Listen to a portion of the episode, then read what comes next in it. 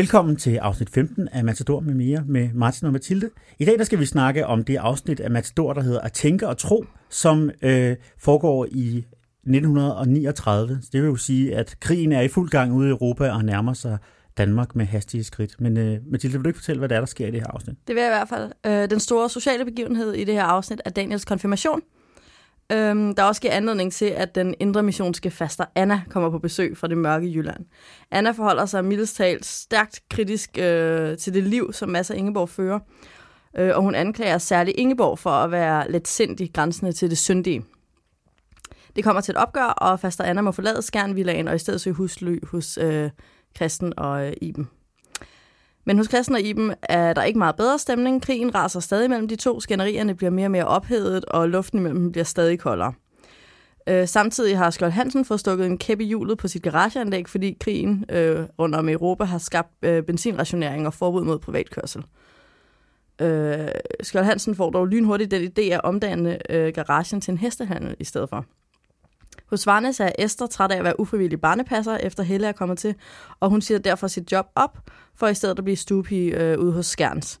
Maud bliver så kastet tilbage ud i virvaret af dårlige stuepiger, øh, denne gang personificeret ved frøken Holmberg, almindelig kendt i Danmark som Av min arm. Øh, Laurits er travlt beskæftiget med sit politiske projekt, og det går faktisk så galt, at han forsømmer at passe sine børn som lovet, hvilket resulterer i, at Axel, Agnes øh, ældste dreng, falder i branddammen. Axel overlever med nød og næppe, men Agnes beslutter aldrig mere at overlade ansvaret for børnene til Laurits. Hun dropper derfor sin serveringskarriere og begynder i stedet at sidde derhjemme og maske strømper op. Samme dag som Axel falder i branddammen, sker der også det, at Oberst Hagel dør efter længere tids sygdom. Men heldigvis for Vicky er Herbert netop kommet hjem fra krigen og er ved hendes side, øh, da hun mister sin far. Så det, på den måde ender det sådan nogenlunde det afsnit. Ja. Ja. Vi starter jo, øh, så vidt jeg husker, så er den allerførste scene, det er ude hos, øh, hos grisehandleren, og øh, øh, de følger op på de sådan store verdensbegivenheder, og det, der er sket ude i verden på det her tidspunkt, det er ikke angrebspakten mellem Sovjetunionen og, og Nazi-Tyskland, hvilket ligesom er anledning til, at øh, grisehandleren, han tilføjer et billede af Stalin til sit, øh, til sit Rogues Gallery ude på, øh, på lokummet. Øh, og der får vi så også øh, endelig, fordi jeg var faktisk lidt i tvivl sidste gang, der kunne man ikke helt se i det forrige afsnit, hvem var det egentlig præcis, der var i det her galleri. Og her der får vi det øh, sådan ret, der får vi det at se, øh, at det er altså, der er altså taler om øh, de store øh, ledere fra, fra de store sådan, stater rundt om i verden, Stalin, Mussolini og Hitler. Øh, så er det Fritz Clausen, den danske nazistleder, og så Prost Meier. Det er vist dem, jeg, der, er, der ja. er billeder af. Måske er der et enkelt eller to billeder mere, som man ikke rigtig kan få se, men det er i hvert fald verdens store skurke, set fra, fra krisehandlerens perspektiv. Ja, og, det og en, enkelt, en enkelt privat skurk. En enkelt hvad, hvad synes vi om det her galleri? Altså, jeg har på fornemmelsen, at sådan Danmark, altså den dag i dag, den danske befolkning, at det, galleriet er en af grundene til, at vi hylder Olof Larsen. Ja. Altså på grund af det her fredelige oprør, som bare kendetegner den danske, ja. ja. den stille modstand, ikke? Den danske sådan, folkesjæl. Mm. Øhm, men jeg ved ikke, altså sådan jeg tror, der er et eller andet i mig, der egentlig er lidt mere sådan på Katrines side med det. Altså hun tager det jo Olof Larsen får sin, han får sin, øhm, sin oprørskhed ud igennem det der, mm. og for, har så ikke behov for at gøre andet ved det. Katrine får afløb for sin øh, trang til oprør ved faktisk modstandskamp jo senere. Så jeg har da også sådan lidt, måske det også den type små, små demonstrationer, der forhindrer en i faktisk at handle. Ja, altså Katrine, Katrine synes jo i hvert fald helt tydeligt, at det er noget pjat, ikke? At det, ja, det gør hun. Hun synes, at det er barnligt, og hun synes måske heller ikke, at det er helt at tage det seriøst.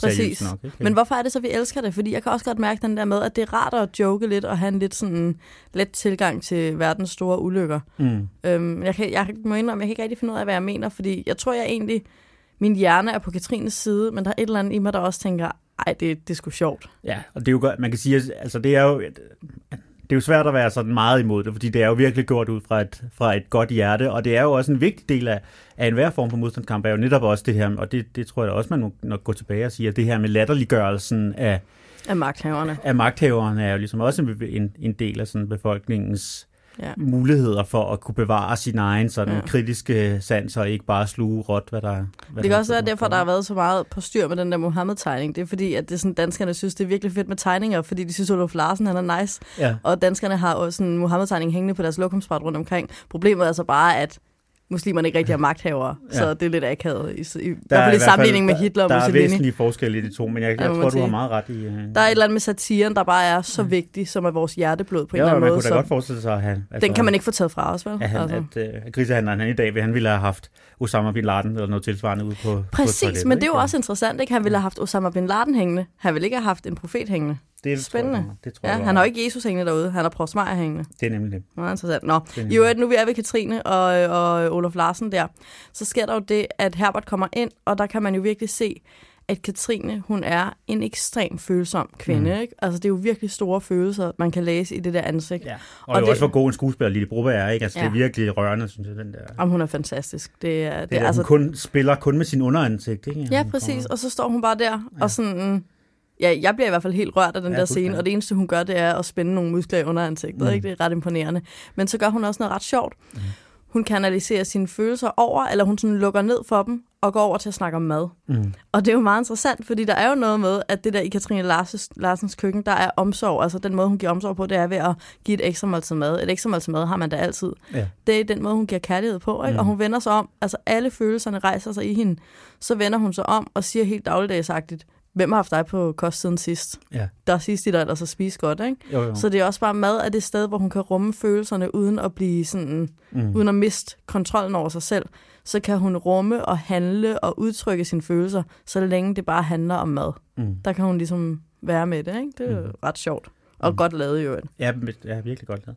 Jeg kom til at tænke på, at det har ikke noget med noget at gøre, men øh, jeg engang, engang læste, at øh, instruktøren Paul Verhoeven, der, der blandt andet har instrueret Robocop, Mm. at da han skulle kaste Robocop, og kaste skuespilleren Paul Weller, så, øh, så gjorde han det netop ud fra at sige, at jeg skal finde en skuespiller, som kan, som kan være meget genkendelig, men også kan udtrykke følelser kun ved hjælp af den del af ansigtet, som bliver set, når man har Robocop-masken på. Og det, Ah.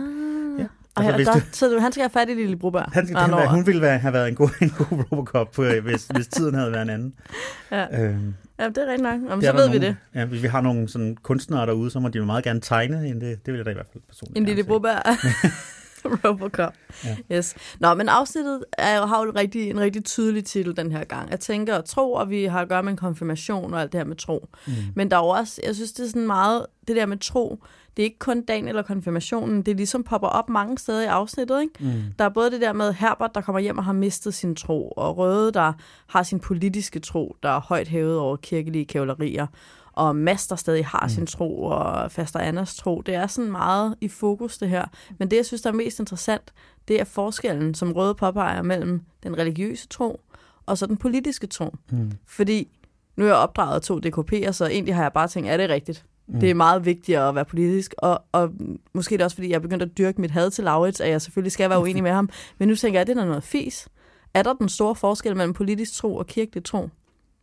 Det ved jeg ikke, om jeg synes, der er, nu hvor jeg ser det anden gang. Mm. Altså, jeg tror egentlig, at sådan, det der jo er med, som dem, der ikke kan lide religion, de er jo tit med, at det der, det, det rigide ved det, ikke? og så kan man kun se religionens svar, og Mm. man tør ikke sige noget imod det. Og det der om noget kendetegnende for Laurits politiske tro, som vi ser her, hvor alle siger, "Ej, du er jo venner med Hitler, Jamen, og jamen, det er også, øh, altså sådan, han tør ikke gå ud af sin tro, han tør ikke sige, ja, det er fejlen, eller det er jeg uenig i, eller der er en faldgruppe i min religion. Mm. Han sidder fuldstændig som en højreligiøs og forsvarer enhver handling, der, fal- der er inden for hans tro. Ja, altså jeg synes der... Det er jo lidt længere filosofisk diskussion, som vi måske ikke har plads til her, ikke? Øhm, Og det, som jeg tror er pointen her, er jo i hvert fald at sige, at hvis ens tro bliver så vigtigt, så man glemmer menneskeligheden i det, ikke? Ja. Så, er det, så er det der, hvor det bliver et problem, ikke? At man netop, altså hvis man begynder kun at, at kunne forholde sig til folk som sådan abstraktioner, enten som, Ja, og øh, som nogen, der ikke er vigtige i forhold til, til det guddommelige, eller som nogen, der ligesom bare repræsenterer en klasseposition, og man glemmer dem som individuelle mennesker, så er det, at man, man Ja. også mister en del af sin egen menneskelighed, og Ja. det tror jeg da også er. Så Laurits Øh. er faktisk en religiøs type. Han har bare valgt en, en politisk gud, ikke? Men Jo, altså, jo. han opfører Altså, sig der- meget fundamentalistisk i de her afsnit. Det kan man sige. Der kan man jo så også sige, at det er jo måske det er også en lidt større diskussion, som vi måske ikke har plads til. Hele den her fortælling om, hvad der var, den her Hitler-Stalin-pagt egentlig var. Ikke? Det synes jeg måske godt, man sådan set med, med lidt større historisk afstand til, kan problematisere den måde, det bliver ikke talsat på her. Men jeg tror ikke, der er ikke nogen tvivl om, at det sådan har, altså, sådan har mange set på det i tiden, både i, i 30'erne og sikkert også i 70'erne, at det i virkeligheden var et stort forræderi, som Ja. blev lavet, og der har der helt klart også været mange kommunister, der har haft meget svært ved at, at, at, at forlige sig med det her, man har gjort. Omvendt må man også sige, at hvis man kigger mere sådan realpolitisk på det, så var det måske ikke særlig mærkeligt, at det skete, og, og, og jo måske virkelig, altså heller ikke, at de her mange forfærdelige ting, som, som Stalin gjorde og gjorde, var det her måske ikke en af dem, fordi det var sådan set bare et forsøg på at lave en fredsaftale, så for at undgå en, for ja. at undgå en krig. Og det, det, den aftale, man lavede her, var jo ikke væsentligt anderledes end den aftale, som englænderne havde lavet, øh, München-aftalen, Nå, som nej, vi jo så i slutningen af sidste afsnit, Ja. ja. hvor de jo også overlod Tyskland invadere en del af Tjekkoslovakiet for selv at få fred. Ja. Øh, så, Ja, der var ikke nogen, der sagde, at Chamberlain, var det Chamberlain, ja, der er blevet gode venner med Hitler. ja. Øh, men og Danmark havde jo også en ikke-angrebspagt med Tyskland, så det var ikke, fordi det i sig selv var sådan noget, noget særligt, men der var nok mange, der havde haft en forestilling Ja. om, at, at, at det her ville ikke ske, og for mange kommunister var der, er der ingen tvivl om, at det var noget, der efterlod en ret grim smag i munden, at Ja. ja. man nu så de to stå og, og trykke hånd, eller hvad de nu gjorde, ikke? Ja, og der er jo også det her, tror jeg også er en af grundene til, at, at vi får, at Laurits bliver så latterligt gjort. Det er jo det, du tit har været efter, Lise Nørgaards projekt om at lave karaktermord på, ikke bare på Laurits Jensen, men på kommunismen. Mm. Øh, og det har jeg faktisk, jeg har været sådan lidt, ja, men det er da nok også rigtigt, men i det her afsnit var jeg faktisk helt sådan, Martin havde ret. Fordi der sker jo det, at Agnes, altså det er jo kommunismen, som... Der øh, næsten slår Knud ihjel, der slår, ikke? øh, Axel, det er Ja, kommunismen, der slår Axel ihjel. Ja. Og hvis vi skulle være i tvivl om det, så vender Agnes sig om på hospitalet og siger, kammerater, Ja. hvad er I for nogle mennesker? Ja. Og kammerater er jo et kommunistisk lavet ord i den her sammenhæng. Det er Mhm. jo altså arbejderkammerater, ikke? Jo, jo. Og Agnes får bare fuldstændig kædet sammen, at den loyalitet, der er i partiet, er umenneskelig. Mm. Det er jo det, hun siger. Mm. Øh, så Ja, vi kan jo lige vi kan jo vende tilbage til det, hvad det er, der hele den der sag, og, og, og hvad det er, der sker med, med, med Laurits og Agnes og børnene, og det, det kan vi lige vende tilbage til senere, når vi kommer til det i afsnittet. Men det er, altså det, det er jo helt klart der, hvor der bliver altså gjort noget for at, gøre, for at, at, at sikre, at nu skal publikums sympati endegyldigt ja. flyttes væk fra Laurits. Ikke? ja, men det er rigtigt. Nu er Øh, han ikke. Og omvendt kan man der sker jo noget tilsvarende i forhold til Herbert, hvor man jo også ser øh, Herbert ligesom frasige sig sin tro for nu at blive det udtryk, Ja. når han kommer hjem fra Spanien. Øh, netop for, at vi som seere skal kunne blive ved med at have en, en ubetinget sympati for ham som karakter. Ja. Der må man jo bare sige, at det var altså ikke specielt almindeligt øh, for de Spaniens frivillige, der kom hjem. Nej. Der var mange, der havde haft nogle, der blev sådan traumeramt, ligesom Herbert også gjorde det, og der var mange, der, der, der havde meget svært ved at forstå de ting, de gjorde, men det var jo ikke, fordi der var sådan en masse udvandring fra. Kommunistpartiet, at, at de folk, der havde været i Spanien, faktisk var der jo ret mange, der blev, der, der sådan blev ved og ligesom fortsatte i den kommunistiske del af modstandsbevægelsen, når de kom hjem. Og det skete jo i hvert fald slet ikke for Bertolt Brecht, som Herbert jo er, er baseret relativt meget på. Han blev jo sådan set ved med at være partitro kommunist hele resten af sit liv. Ikke? Men grunden til, du er jo også netop det, du siger, det er jo det karaktermæssige sympati, ikke? at vi skal have Herbert renset, og vi skal også have understreget hans følsomhed. Mm. At han er mere følelsesdrevet, end han er kampdrevet. Mm. Øh, og han er mere kunstner, end han er politiker. Mm. Ikke? Og det er jo det, vi ser ved den her øh, frasigelse af den politiske tro. Ja. Øh, tror jeg, det er det vigtigste, vi skal, skal tage med fra det. Ikke? Jo, og så netop også hans pacifisme, ikke for at forklare, hvorfor ja. er det, han ikke bliver i Danmark som en del af kampen, men netop, som vi ser i det næste afsnit, flygter allerede fra starten. Ja. Fordi hans... Ja, det er rigtigt.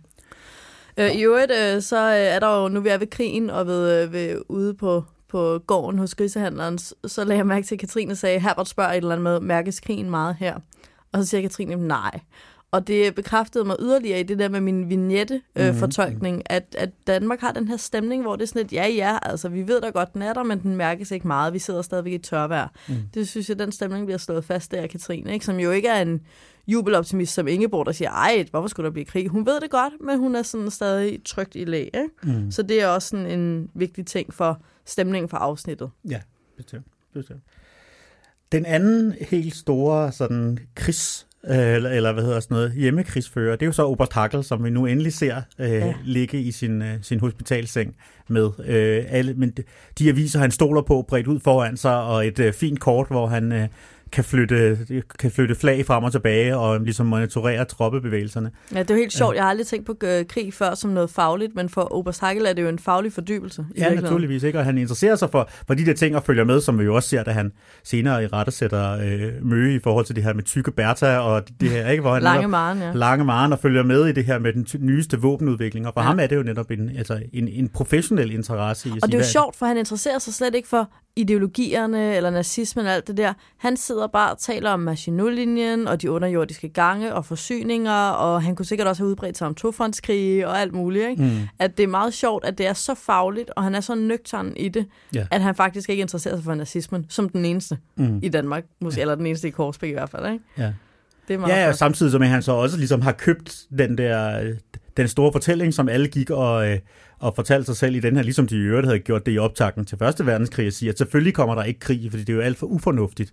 At hele den militære balance er jo netop bygget op på en måde, så vi sikrer, at der ikke kommer krig, fordi det simpelthen er, ikke vil være rationelt for nogle af de deltagende partnere at indgå, indgå i krig. Ikke? Jo. Øh, og det var jo den store fejlvurdering op til Første Verdenskrig, og var det formentlig her igen i, i 2. verdenskrig i store dele af den politiske elite, ikke? at man Jo. simpelthen stolede for, for meget på Det her rationelle, med, ikke? på det rationelle og på den her idé om sådan en, en våbenbalance i modsætning til det andet. Den modsatte netop, at jo mere man opruster, jo flere våben man har, jo større sandsynlighed er der for, at man kommer til at bruge dem på et tidspunkt. Ikke? Præcis, præcis. Ja, og det, øh, men altså Oberst Hagel, der må vi jo bare sige, at han er jo også, og måske også hans, altså nu hvor han dør i det her afsnit, tænker jeg også bare, noget der jo også dør med ham, er jo netop øhm, 2. verdenskrig som just another war. Mm. Mm. Altså man kan sidde og følge, ikke? Jo, men- Det er slut nu. og noget, der nu er først det og fremmest foregår på slagmarken Ja, præcis. også, ikke? Ja, ja, på slagmarken, og som, og som man kan være sådan militærstrategisk omkring, omkring og sådan noget. Hvor det er bare sådan, det er væk, når han dør, så er der bare følelserne tilbage. Nazismen og mod, altså det, alt det, hvor vi virkelig er følelsesmæssigt investeret i de næste afsnit, det er det, der står frem.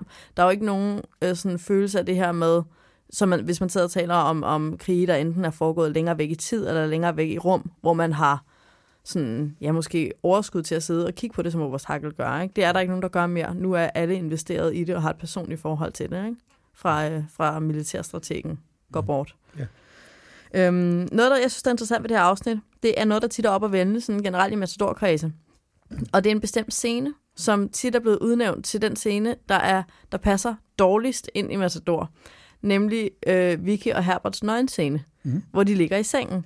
Øh, jeg er en af dem, der synes, at den er vildt mærkelig og unødvendig, og sådan, den forstyrrer hele mit altså hele min matador-stemning, når jeg ser. Det er jo, altså, det er jo okay, man er jo vant til den, men jeg, hver gang jeg ser den, så har jeg glemt, den er der, og jeg ved ikke, hvad der kommer før, og jeg ved ikke, hvad der kommer efter. Den er så forstyrrende for mig med det der, øh, både, selvfølgelig både sengekants ting, men også den er så intens og sådan filmromantisk eller et eller andet. Ja, det er en meget, altså, øh, det, det, det er en meget sådan tæt nærbillede, ikke? Man ser næsten kun deres, deres ansigter og Ja. deres skuldre i meget lang tid, ikke? Ja. Altså, det er vi, nu er vi Og Ja, det helt er- mørke, sterinlysskær og sådan præcis. Ikke? meget atypisk. Ja. Øhm, men det, der foregår i den, synes jeg egentlig er meget interessant, fordi der foregår en samtale. Det handler om, at Herbert ligger og ja, er rigtig traumatiseret. Ikke? Øhm, men så siger øh, Vicky jo til ham, måske, han- siger noget om, at han ikke kan tale om det, og så siger hun måske, kan du skrive om det? Mm.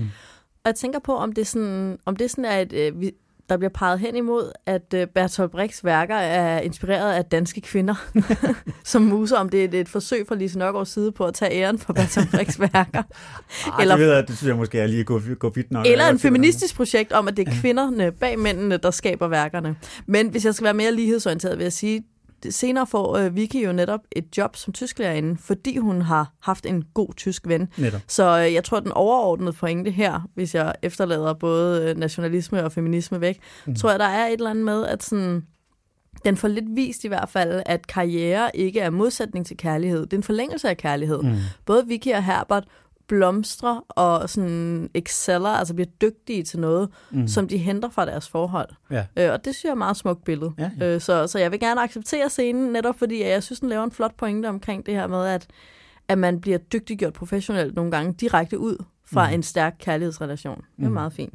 Ja, jeg synes egentlig, altså jeg synes, du har ret i, at man bliver overrasket over den, for netop fordi den visuelt er så anderledes end det, man er vant til at se, ikke? som jo også typisk, typisk er de her totaler, hvor man ser sådan et helt rum, hvor som karaktererne bevæger sig rundt i, i virkeligheden. Sådan relativt teateragtigt, ikke? Og så pludselig er man, er man helt oppe øh, i, i ansigtet på dem, og ser slet ikke det rum, de er i på nogen Nej. måde. Ikke? Men, men jeg synes egentlig, det er en meget fint, det er en meget flot scene, og, og netop også siger, at den her type samtale, det er netop også en, der kræver intimitet. Altså det ville ikke have været på samme måde, hvis de havde siddet på hver sin side af et sofabord og haft den her Eller snak. på jernbanerestauranten. eller på jernbanerestauranten med over et stykke smørbrød. Det havde været noget andet. Altså det var den, den der type dialog kræver også en intimitet øh, og, en, og en sådan kropslighed, som... Det er rigtigt. Plus der bliver også refereret til det der med krigen i Spanien på en eller anden måde, og der har jo før, der med Ingeborg Silkeborg på perronen, har de brugt den der filmagtige måde at lave netop. scener på, Ja. når vi skal tænke på resten af verden, når vi skal have verden med i vores bevidsthed. Og det gør de jo meget godt, fordi hvis Korsbæk-stemningen forsvinder, jamen Mm. så kommer verden jo og træder ind. Og det sker jo også i den her scene, ikke? At vi Jo. glemmer lidt Korsbæk og tænker på krigen i Spanien og kærlighed og nogle lidt større ting. Mm, mm. Det er jo rigtig fint. Nå, vi må altså også bare hurtigt til at springe til øh, det her afsnit store, store spørgsmål. Hvis skyld er det, at Axel falder i den branddam? Er det Røde? Er det Agnes? Eller er det Laura? Eller er det øh, Fede, fordi han altid skal æde, så Marie ikke kommer til tiden? Øh, altså, det må, altså, sige, at det er Agnes og Lauras, eller prøv, Aurits og Laurits' skyld, altså Røde og... Ja. Øh, ja.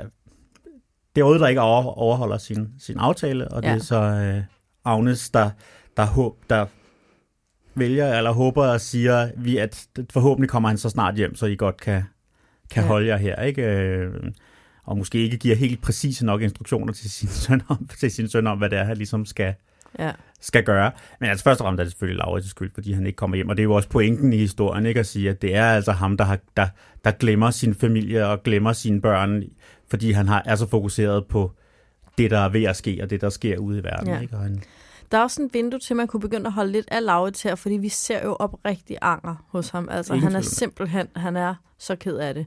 Men grunden til, at jeg ikke tilgiver ham, for det gør jeg selvfølgelig ikke, det er, at han jo ikke sådan hopper ned fra sin pedestal. nej. Altså, han har angeren, og angeren skulle han have brugt til at sige, måske har jeg ikke ret i alting. Mm. Måske skal jeg lige lytte efter, hvad Agnes siger en gang imellem. Ja. Og det gør han ikke. Han er fuld af anger og dårlig samvittighed og vil gerne forsones, Mm. men han gør ikke det, han skal gøre for at blive det. Mm. Så jeg tilgiver ham ikke alligevel. Og og det tror jeg jo heller ikke er meningen, at man, at man skal. Det tror jeg bestemt ikke. Og jeg synes, at en af de årsager, der er til det, det er jo, at man faktisk ikke får at vide, hvad det er, han lavede, mens han var væk. Øh, hvor hvis vi ligesom skal tage det ud fra konteksten af det, han i øvrigt er i gang med, så er det jo formentlig et spørgsmål om, at de er i gang med at organisere modstandskampen allerede nu, og, og er i gang med at organisere, hvad de skal gøre, hvis de bliver nødt til at gå under jorden, eller nogen bliver nødt til at flygte på et eller andet tidspunkt. Og der tror jeg måske, hvis man havde fået det konkret at vide, så havde hans karakter været stået i mere sympatisk lys, trods alt. Altså, så havde der været en fornemmelse af vigtigheden af det, han trods alt var Ja. i gang med. Og nu får vi bare at vide, at der kom to kammerater, og har de så gået på er rigtigt. øh, og drukket bajer, eller hvad, det, har- hvad har de lavet? Det, det får Ja. vi sådan set ikke at vide, og det, det, Nej. det får lov til at stå åbent. Og man kan sige, at hvis det havde været mere, altså hvis vi havde fået det at vide, så havde vi jo ikke tænkt, ej, du er en fin fyr, fordi du tager din politik alvorligt, men mm. vi har haft en lidt mere realistisk, sådan, okay, du er en dårlig far, men du har måske hjertet på det rigtige sted, Mm. hvis bare du ikke havde, altså hvis bare du havde rummet det andet også, ikke? Ja. Øhm, nå, Men det, jeg, jeg synes jo, at det, har, det har jeg tænkt mig over. De her to, øh, de her to drenge, fordi det, at Axel og Knud, Axel og Knud, at de er jo navgivet, går jeg ud fra, efter ligesom de to store partiformænd i DKP, Axel Larsen og Knud Jespersen. Og altså, hvad ligger der? Altså, man kan sige, det er jo meget sjovt. Det, er jo, det giver meget god mening, at Laurits måske ville opkalde sin ene søn efter Axel Larsen. Han var jo allerede et ham kender man. Ham- jeg har ham- aldrig hørt om den anden. Ham kendte man også på, altså her på det tidspunkt, hvor, øh, hvor øh, Axel blev født, så der, og var, han var et kendt navn, var måske allerede formand for DKP på det her tidspunkt, var i hvert fald sådan et stort navn, så det er ikke Og urealistisk. forfatter også, ikke? Forfattere og debattører og alt muligt. Øh, hvorimod Knud Jespersen, som jo altså først blev formand for DKP, langt senere, at ham kunne, øh, ham, ham kunne Laurits på ingen måde have vidst, hvem var, går jeg ud fra, selvom Nej. han også senere, så vidt jeg husker, var aktiv i modstandsbevægelsen. Så altså, det er sjovt, hvorfor Lise Nørgaard, eller hvem der nu har gjort det her, har valgt at give dem de her to navne. Altså, Ja, det virker som om, at det der, det, der lidt sker, når hun gør det, det er, så træder forfatteren bag Matador lidt frem, fordi det kan ikke have noget med Laurits at gøre. Så det vi ser, det er Lise Nørgaard, der gør nar af kommunister, ja, og kalder dem fanboys. Ikke? Ja, måske. Altså, fordi der er jo ikke noget, altså man kan sige, når man navngiver sine børn efter nogen, mm. så får man også lidt guddyrket de der mennesker. Ikke? Jo, jo, så i stedet for at tænke på Axel Larsen som en kollega, som han jo er i virkeligheden, mm. så bliver han lige pludselig sådan, man får, får sådan set Laurits' lidt for sådan næsegrus beundring for Mhm. heltene inden for hans uh, tro, ikke? Ja. som er sådan lidt ja, lame på en eller anden måde, Mm. synes jeg. Nå, men øh, der er noget andet, jeg gerne vil nå, nå forbi også, fordi det var en øh, kæmpe altså der virkelig gik et lys op for mig. Det er jo sådan, når man har set en serie mange gange, så bliver man doven, og der er meget, man ikke forstår, men det har man vendet sig til, man ikke forstår, så det reagerer man ikke på. Men da jeg sad og så den, og vi skulle lave det her, så tænkte jeg, nu går det altså ikke mere, at jeg ikke ved, hvad Lulu Siller Cabaret er for noget. så jeg googlede det. Øh, L-U-L-U-S-I-L-E-R. Lulu Siller Cabaret, det er der ikke noget, der hedder. Øh, og jeg fandt øh, derfor ud af, at der er noget, der er, der noget, der er en person, en kvinde, der hedder Lulu Sigler Mm. med Z Ja. og G. Aldrig hørt om hende. Har du hørt, øh, er det noget, du kender til? Øh, ja, det er jo sådan et, øh, et revynavn, ikke? Jo, Som præcis. også- Hun lavede nemlig noget revy noget og noget skuespil, halløj. Men jeg gik så ind, og Det er jeg, et helt sådan øh, revy, revy også ved senere cirkusdynasti i Danmark, tror jeg. jamen det er muligt. Øh, Nå, okay, så det er faktisk vokset videre. Det jeg fandt ud af, var bare, at der var den her kvinde, der hed det, og hun har en Wikipedia-side, som jeg så trykkede på. Og så stod der, Gud hjælpe mig, at hun er født i Sorø, hvor jeg er fra. ah, Det er jo ikke tilfældigt. Nej. Men noget andet, der ikke er tilfældigt på den lidt mere seriøse side, det er, at Lulu Sigler fik skabt sig et navn ved at være med i Bertolt Brechts stykker. Hvad jo er Herberts stykker. det er sjovt. Og ja. det tror jeg i hvert fald er sådan... Det er Lise Nørgaard, der har det hyggeligt med os. Og sådan lige kaster det Ja, navn det på er- bordet, det fordi jeg, du det er, nu vi er ved Bertolt Brecht, og vi har Herbert med. Så lad os da, lad os da lave sådan en circle storyline, hvor vi nævner en, der faktisk er kendt på at være med i Herberts stykker, som Mm. ikke er skrevet endnu. Ja. Det er meget flot. Nå, men grunden til, at vi taler om Lucilla Cabaret, det er jo fordi Faster Anna ikke vil i teateret, Netop. og så videre. Så lad os komme til Faster Anna. Ja, og ja, der synes jeg faktisk også, nu jeg har jo ikke set til nær så mange gange, som du har, men er, er jo alligevel selvfølgelig, at Faster er jo sådan en karakter, som man, man husker, og der vil jeg faktisk sige, at jeg synes, at øh, når jeg nu har set det i den her omgang, der synes jeg faktisk, at hun, får, hun har mere menneskelighed i sig, end jeg huskede. Altså hun er ikke bare den her totale karikatur på øh, indre missions stivhed og sådan personifikationen af skyldfølelse. Altså hun har, man, man kan sådan set godt se, hvor hun kommer fra, og vi kan, man Ja. kan også godt se, hvad, Og man kan mærke, at hun tror på de ting, hun siger. Ikke? Netop, altså, ikke? Altså, hun det er sidder ikke- ikke og prøver at være ond. Nej, altså, nej. hun er oprigtig chokeret og oprigtig sådan... For den første, den sjoveste er jo det der, hvor at hun synes, Ingeborg er streng, fordi de andre ikke kan være med til at ansætte stuepiger, fordi at Ingeborg presser priserne op. Ja. hvad, hvad var sådan, det er så fedt, at hendes menneskesyn ikke inkluderer tyene. ja, ja. Så hun er sådan, hvor er du umenneskelig, at du presser priserne op, så vi andre ikke kan være med, uden overhovedet omtanke for, at tynet også Mm. er mennesker, og selvfølgelig også skal have en høj løn. Det er jo meget sjovt. sjovt. Det kommer jeg jo til at tænke på. Det, kan, øh, der, og det er jo også noget, vi har snakket om før. og Det, jeg synes, det er lidt svært at gennemskue det her. Jeg går ud fra, at de her lønningsniveauer har været øh, er rigtige, øh, som nogenlunde i hvert fald, for, for hvad der har været på tiden. Men så er det alligevel meget påfaldende, hvis de siger, at det, de her hvad var det 50 kroner om måneden, som, øh, som Ingeborg giver sine stuepiger. Øh, og i afsnittet før fik vi jo at vide, at herr Stein som første manden i banken får 550 kroner om måneden. Og Jørgen Varnes jo siger, at 600 kroner om måneden, det ikke er nok til, at han kan Leve. klare sig. Ja, det, Så er, det er alligevel en stor en, forskel, en, ja. en, en tifold. Øh, ja. Men det er selvfølgelig, der kan man sige, stuepigerne, det er jo selvfølgelig også plus bolig og De får koster. bolig og kost, ja. Men, Men, øh, så det er lommepenge, ikke? men, men, stadigvæk. dog, men alligevel er det, altså, er det, så er det en ret stor forskel, ikke? Altså, at der fra, fra en jo trods alt voksen stuepige, og så til en høj, så altså er en, en månedsløn, der er 10 gange høj. Det er jo temmelig, temmelig ja. meget. Ja, herr Stein, han lever godt, det er der ingen tvivl om. Øhm, nogle af de, en af de vildeste ting gik det op for mig, som Anna sagde, som også er en af de her ting, jeg ikke har tænkt over før, fordi Matador bare kører i baggrunden, det er, anklager hun ikke Mads for sådan småincestuøs adfærd? Hun siger, Jo, at han ja. danser rundt med den store pige. Mm. Det er da noget underligt noget, om de ikke er bange for at ødelægge hende. Ja. Jeg var sådan helt, nej, det sagde du ikke.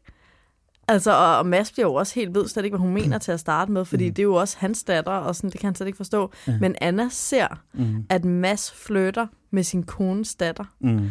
Og det er jo også der, hvor jeg sådan mm, er sikker på, at Lise Nørgaard har brugt det her afsnit som en anledning til bare at lave en massiv religionskritik. Mm. Og bare vise både med Lauritz's altså politiske religion, ikke? Altså, men det der med, at når man bliver så religiøs, at man ser synd alle vegne, mm. så er det dig, der har den beskidte tankegang. Det er jo ikke dem, der opfører sig frit. Det er Ja, ja, dem, der det- sidder og tænker, uh, hvor er du syndig. Det er inde i dit hoved, du Mhm. har siddet og tænkt syndige tanker. Jo, jo, og det, altså det, det, det ser man jo mange steder, at de her allermest sådan poetanske øh, miljøer, de i virkeligheden er enormt sexificerede og tænker seksualitet ind i alle mulige relationer, som ja. ikke er det, uanset om det så er, er øh, ja, kvinder, der går på gaden og skal beskyttes mod mændenes lystende blikke, eller om Ja. det netop er den måde, man ligesom kan røre hinanden på som, som familiemedlemmer og sådan noget. Ja, ikke? at det lige pludselig er noget syndigt. Men Pludselig- det er det der med, at der er ikke noget mere øh, slibrigt end det mest strenge katolske, vel? Der, der, der, der er der værst. Det, ja, som eller her protestansk, ikke? Ja. Ja. Øhm, Øhm, men jeg- ja. nej. Tag du, kom nu først. Øh, jeg kom til at tænke på, altså Anna siger jo, altså der er jo ikke nogen, der er på faster Annas side, øhm, men jeg, jeg fik sådan lyst til at forsvare hende, fordi hun er så åbenlys skurken. Mm. Øh, og så øh, sad jeg lidt, måske vil jeg gerne indrømme, og lede efter noget, hvor jeg tænkte, ej, der har Anna fat i noget. Og jeg fandt det. Ja. Fandt mig så. Øh, da hun sidder med sin Gauguin-bog, eller med Ulrik, eller hvad hedder det, Daniels Gauguin-bog, og så siger hun, har du set alle de nøgne damer? Og Mm. Anna føler over, at han, Daniel har fået et, et blad, Playboy-blad i ja. konfirmationsgave, og det synes hun måske ikke er så passende. Men det der jo er rigtigt nok, selvom det er kunst og det går gang og så videre, så er det jo faktisk, Gauguin laver rigtig mange portrætter af nøgne kvinder. Det er jo helt... Er, og sådan, Ja, ja. Og er, jeg tror, det er på, det på Haiti, hvis jeg husker På rigtigt? Tahiti, ja. Tahiti. Ja, ja. ja. Same, same. To forskellige verdenshave, men ja, ellers.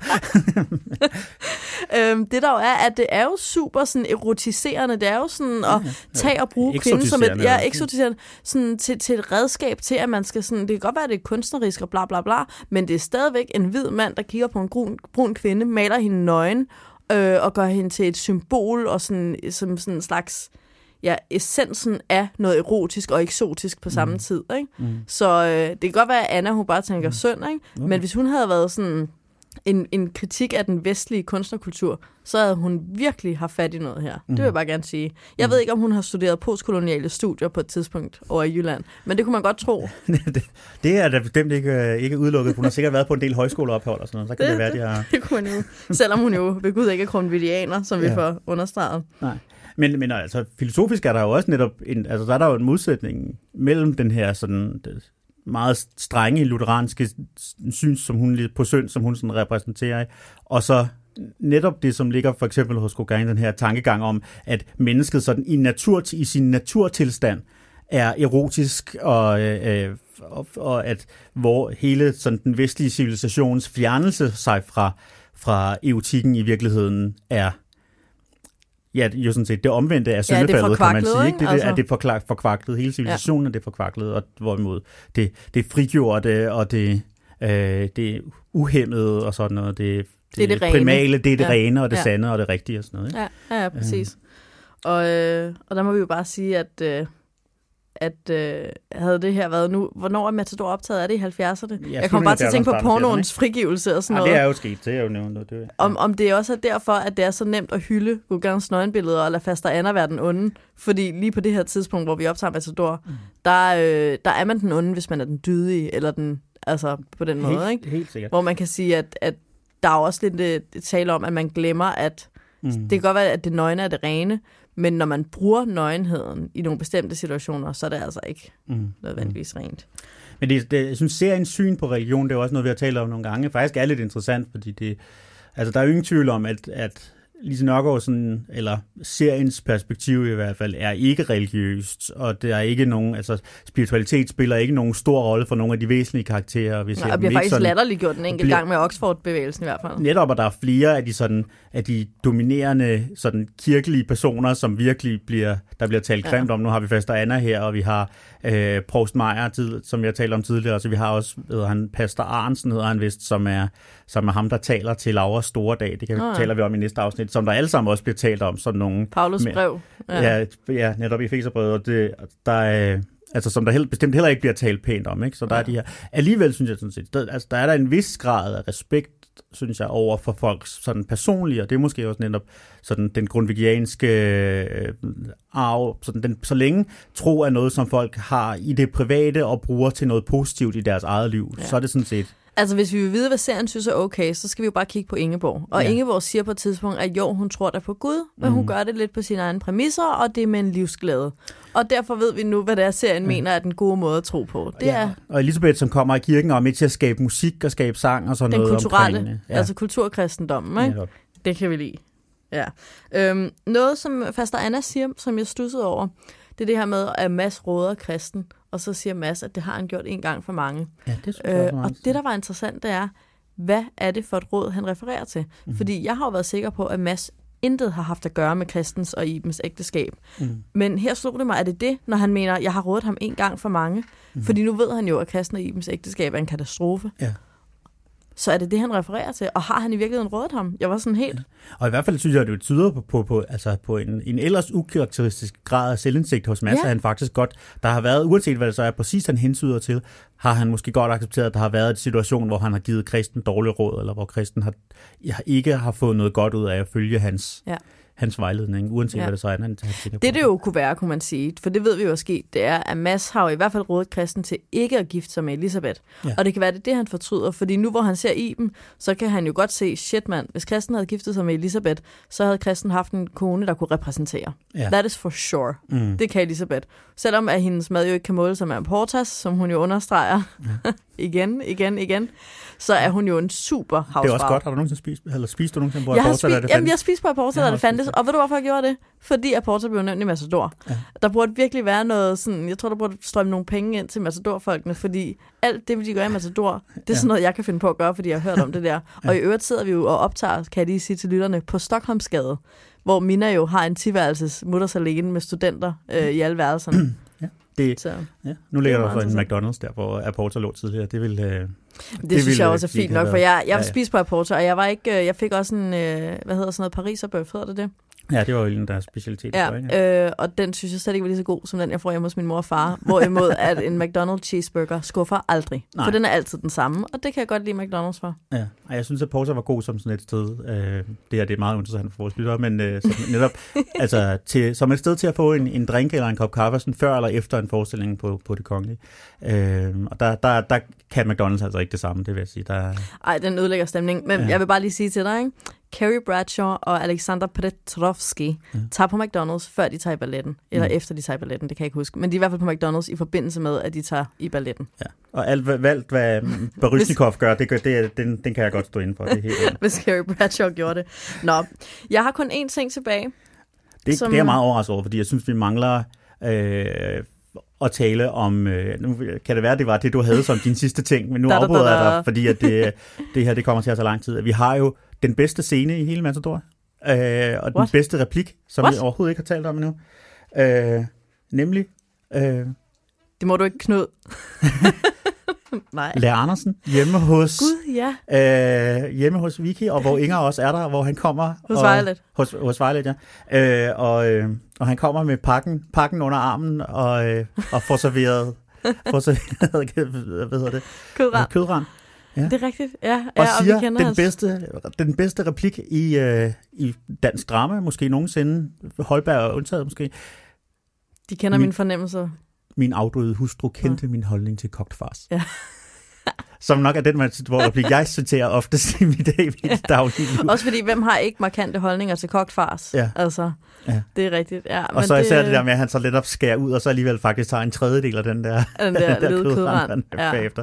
Ja, der Det er, jeg synes, den der virkelig. scene, den er simpelthen så, den er så strålende. Den er så, den er så sjovt skrevet. Altså, Ja. hver eneste replik i, den, øh, i er hele den der scene. Og den Er det der også der, hvor han citerer den der øh, bryllupstale, han ja, har holdt? det er nemlig lige præcis Tak for det. vores samlivs overmål. Tak for din altid grønne kål. Tak for vores samlivs overmål. Ja, lige præcis.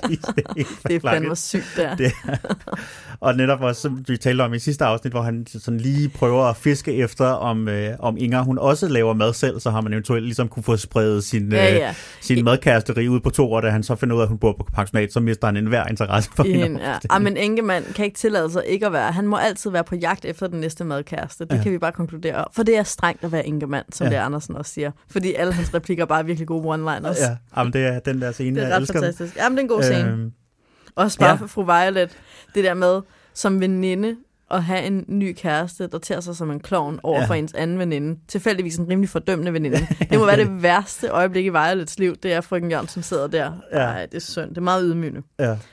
Ja, Nå, men Så- nej, det var ikke det, det, var ikke det jeg havde tænkt på. Ah, okay. Kan jeg Øh, det kan vi, altså, jeg kan tale meget længere om den scene, men det, altså, jeg synes bare, altså, man kan nyde den, når man ser den, og man eventuelt se den igen. Det gjorde jeg da selv, da jeg så det i går. Spolede lidt tilbage kørte den helt forfra. Ja. Ja. ja, men det er også en scene, der så flot selv. Så, Ja, ja, ja. Nå, men det er noget, som jeg øh, gerne vil have med. Det er fordi, øh, det er en sådan, lidt et hjertebarn for mig, fordi jeg skrev engang en læserbrev om lige præcis det her, i det her afsnit af Massador. Mm. For jeg synes, det er ret flot lavet. Der er jo det her med den aller sidste scene, hvor, som jo slutter med, jeg vil bede for jer, hvor faster Anna kommer tilbage, eller tager toget tilbage til Jylland. Der står de to brødre der, og bliver meget de der, altså bliver meget modsætninger, ikke? Mm.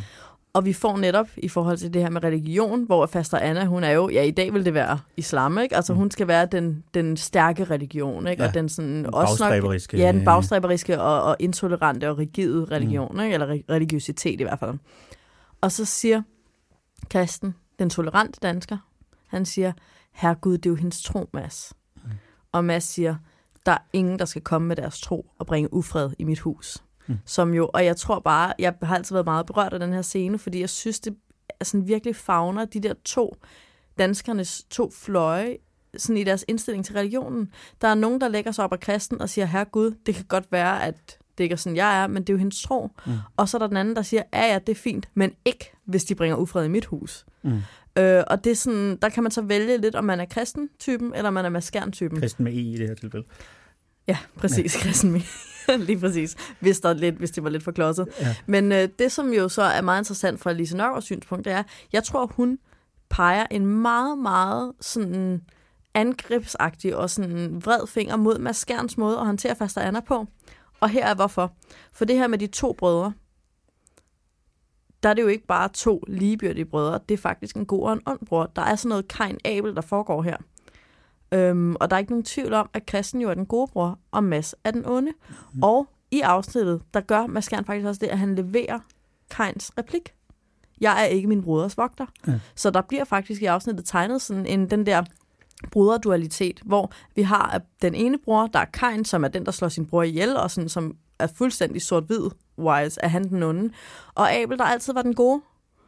Og så har de, slutter Lise Nørgaard med de her to forskellige indstillinger til religion, og på den måde får hun, får hun faktisk sagt sin egen holdning til, hvordan et, hun synes religion måske, eller den, den stærke religiøsitet, er ikke noget, hun, hun går ind for. Men hun giver et signal om, at hun synes, man skal håndtere den, som kristen gør.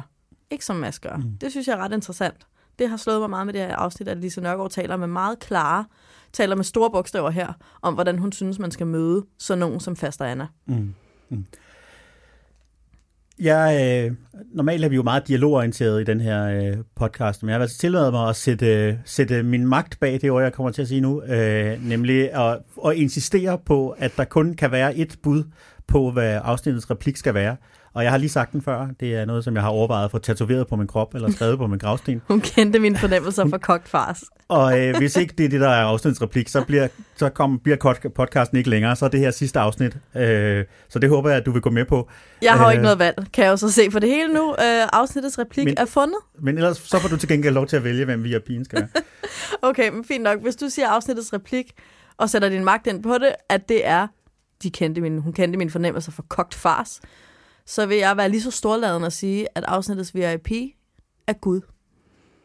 Fordi det er Gud, der står bag alt det her. Det er Gud, der står bag Kain og Abel. Det er Gud, der overvåger det hele. Det er alles form for tro, og så samtidig ude i verden med øh, ikke-angrebspagt og så videre. Jeg føler, at i det her afsnit, der er alle borgere i Korsbæk små, øh, mens den store VIP i virkeligheden, det er den figur, der står bag tro, som er Gud.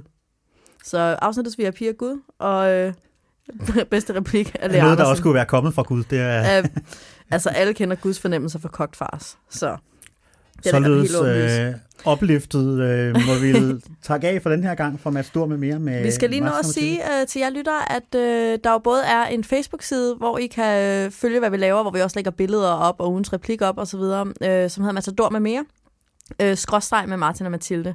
Og så har vi jo også øh, en bruger ind på tier.dk, hvor I kan øh, gå ind og udfylde jeres øh, e-mail og dankortoplysninger, og så kan I støtte os med en tier per afsnit, som så bliver trukket helt automatisk.